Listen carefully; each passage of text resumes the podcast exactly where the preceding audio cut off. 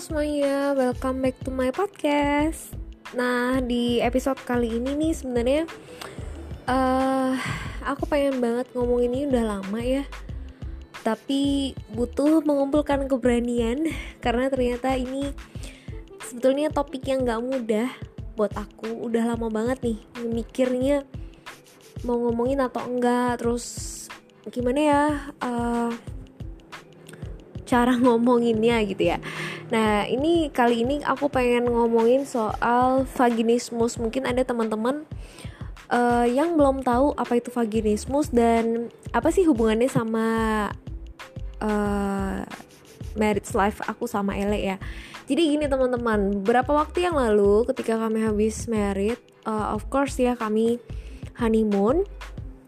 Kami saat itu ke Bali ya udah antusias banget nih meskipun pandemi tetap ke Bali karena membayangkan memang Bali pasti nggak akan sepadat biasanya, nggak akan seramai biasanya dan mungkin uh, akan jauh lebih nyaman buat kami yang memang tipe-tipenya kalau mau liburan tuh yang leisure gitu, bukan yang padat aktivitas. Nah, terus kemudian apalagi ini kan maksudnya liburannya buat honeymoon ya, cuman mau having quality time sama pasangan. Nah, kemudian uh, to the point aja ya. Kemudian sampai kami kami ke Bali itu kebetulan naik mobil ya kami road trip uh, dari Semarang terus kemudian kami ke Jakarta dulu ke rumah uh, mertua.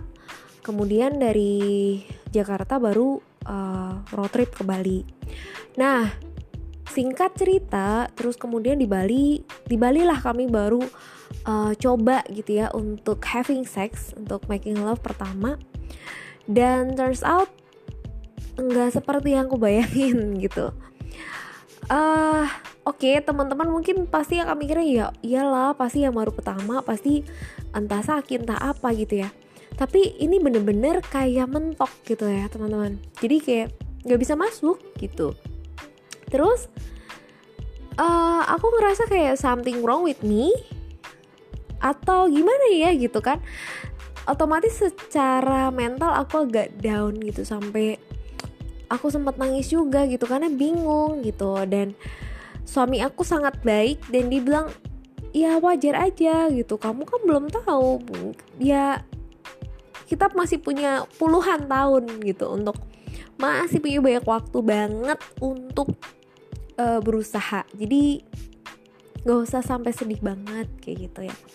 Nah lalu teman-teman ternyata uh, di percobaan-percobaan yang selanjutnya bahkan sampai akhirnya kami pulang ke Semarang lagi itu tuh nggak bisa gitu. Nggak bisa dan uh, bersyukurnya karena suami aku tuh sangat suportif. Jadi dia nggak nggak gimana ya nggak beranggapan yang gimana gimana tentang aku gitu. Jadi dia dia dia lempeng aja gitu. Dia buat dia, dia bahkan dia bercandain aku. Dia bilang it's okay honey. Uh, aku bisa self service gitu. Nggak usah nggak usah nggak usah stres gara-gara kayak ginian gitu. Nah terus kebetulan memang kami itu mutusin untuk uh, belum punya anak dulu gitu ya. Jadi uh, karena buat kami parenting itu another battle lah ya. Yang kami harus benar-benar siapin dulu justru uh, supaya kami betul-betul siap jadi seorang ayah atau seorang ibu buat anak ini. Jadi kami belum siap untuk punya anak. So kami mutusin sesamanya di Semarang kami mau uh, pasang IUD aja aku supaya jauh lebih nyaman gitu meskipun sebetulnya berhubungan seksnya aja belum bisa gitu. Baru sekali aja dan itu pun hanya apa ya uh, itu pun kayak apa ya aku I push myself too hard gitu. Nah lalu kemudian setelah pasang Ayudi ini ntar kapan apa deh aku ceritain juga tentang pasang Ayudi ya. Nah tentang itu kemudian uh, cerita nih sama adik aku yang kuliah psikologi. Kalau uh, memang kami tuh cukup deket dan uh, banyak hal sih yang aku cerita ke dia.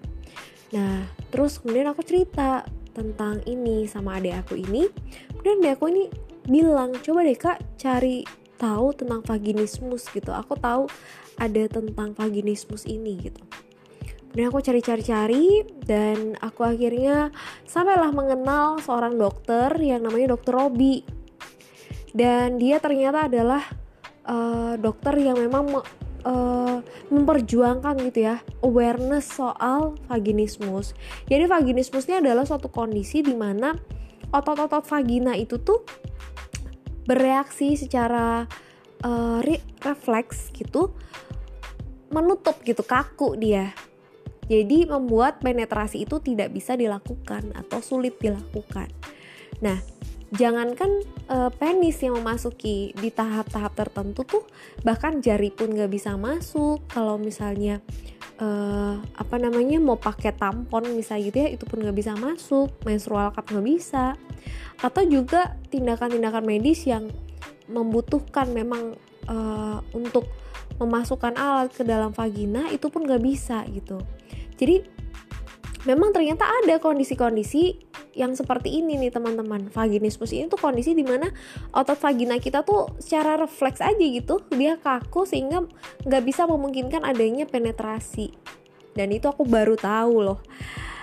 To be honest ketika Bina Pranika ya kalau di uh, di Kristen gitu sebelum menikah ada yang disebut pembinaan pranikah gitu jadi ada semacam pembelajarannya gitu ya tentang uh, family, tentang spirituality, terus kemudian tentang keuangan, manajemen keuangan gitu, tentang anak, tentang seksualitas. Jadi kayak gitu-gitu. Nah, ketika bicara soal seksualitas, ya yang diomongin sebetulnya lebih kepada uh, kesetaraan di dalam menikmati relasi itu sendiri itu. Jadi yang perlu orgasme nggak cuma cowoknya doang kan tapi juga ceweknya. Dan dua-duanya harus berusaha untuk saling uh, mengasihi dalam bentuk hubungan seks itu. Dalam artian harus coba untuk explore uh, keduanya uh, betul-betul menikmati relasi itu nggak cuma sepihak. Nah mentok di situ nih teman-teman. Aku nggak pernah ngebayangin bahwa ada situasi di mana jangankan orgasme jangan kan orgasme bahkan having sex aja susah gitu ya kita nggak bisa. Dan selama enam bulan kami mengalami ini gitu. Nah terus nih teman-teman ternyata aku baca-baca banyak banget eh, pasangan-pasangan yang struggling dengan vaginismus ini. Dan banyak perempuan yang juga mengalami bullying, mengalami stigmatisasi, jadi diklaim bahwa dia nggak relax, dia uh, kurang sayang sama suaminya nggak cinta nggak kasihan. Loh itu bukan masalah mental loh bukan masalah psikis gitu ya kitanya yang belum siap. Uh, tapi lebih kepada memang secara fisik gitu. Belum ada penyebabnya belum diketahui penyebab vaginismus itu sendiri gitu. Nah uh, untuk lebih lengkapnya sih sebetulnya teman teman-teman bisa coba search di Instagram ya profil uh, accountnya Dr. Robi ini. Namanya uh, profilnya sorry aku agak lupa. Vaginismus Indonesia gitu. Vaginismus Indonesia. Nah di situ lengkap banget dan memang uh, kami juga kami berdua lagi bergumul banget untuk penyakit ini karena kami di Semarang dan aku dan suami aku belum ketemu nih rumah sakit atau opjin yang yang ngerti soal vaginismus di Semarang. Soalnya kami ya gimana pun juga ini sesuatu yang nggak mudah ya. Aku nggak mau ngedapetin labeling labeling yang negatif. Maksudnya ketika datang ke sosok yang salah ke dokter yang salah malah nanti takut dijudge atau takut diomongin kayak kamunya aja yang kurang rileks atau takut atau apa takutnya kena mental aku. Jadi aku nggak berani gitu untuk nyari uh, objin yang uh, oke okay di Semarang. Dalam artian bu bukan mendiskreditkan rekan-rekan op, uh, dokter objin di Semarang ya tapi uh, mungkin nggak semuanya nggak semua orang nggak semua dokter aware tentang itu maybe ya. Soalnya aku juga dengar-dengar cerita baca-baca bahwa ternyata nggak semua uh, apa namanya tenaga medis tuh paham soal ini gitu. Jadi ini kami dalam perjuangan untuk bisa uh, mengumpulkan dana supaya bisa dilakukan pemeriksaan dan juga penanganan secara lanjut secara medis dalam hal vaginismus ini yang aku alamin. Dan so far sih uh, suami aku sangat suportif thanks God about it. Nah terus jadi teman-teman yang mungkin uh, entah belum merit entah udah merit tapi uh, aktif secara seksual dan kemudian apa namanya menyadari bahwa loh kok aku nggak bisa ya? Kenapa ya uh, penetrasi itu susah dilakukan? Uh, coba deh cari tahu tentang vaginismus ini. Dan mari kita sama-sama bareng-bareng nih sama aku juga untuk jauh-jauhin deh stigma-stigma negatif tentang orang-orang yang mengalami vaginismus ini karena itu jatuhin mental kita banget sih gitu. Terkhusus kalau misalnya kita diomongin kayak Eh, nggak uh, sayang atau nggak cinta sama suami jadi nggak bisa uh, terangsang atau apa no. It's a big no. Nggak uh, kita tuh normal banget dalam artian kita juga terangsang kok sama suami kita sama pasangan kita. Kita juga ngerasa pengen mau gitu untuk berhubungan seksual itu kan cara kita mengasihi dia cara kita mencintai pasangan kita kan tapi masalahnya secara refleks vagina kita nggak bisa melakukan itu. Nah, oleh sebab itu kita butuh bantuan medis. Nah, jadi teman-teman, mungkin ini sesuatu yang nggak mudah buat teman-teman sama kayak aku juga bergumul banget nih mau ngomongin ini ya. Nah, mari sama-sama support ya. Kalau teman-teman butuh teman cerita, again aku nggak nggak bosan-bosan deh cerita, uh, ajak teman-teman untuk DM aku aja. Uh, kalau butuh temen cerita, I'm gonna be your friend yang akan dengerin kamu. Oke, okay? DM di bet underscore Chris B E T H underscore K R I S T. Uh, semoga aku sempet sempet banget bisa punya waktu banget untuk balesin kalian satu-satu. Uh, thanks udah mau percayain cerita kalian sama aku.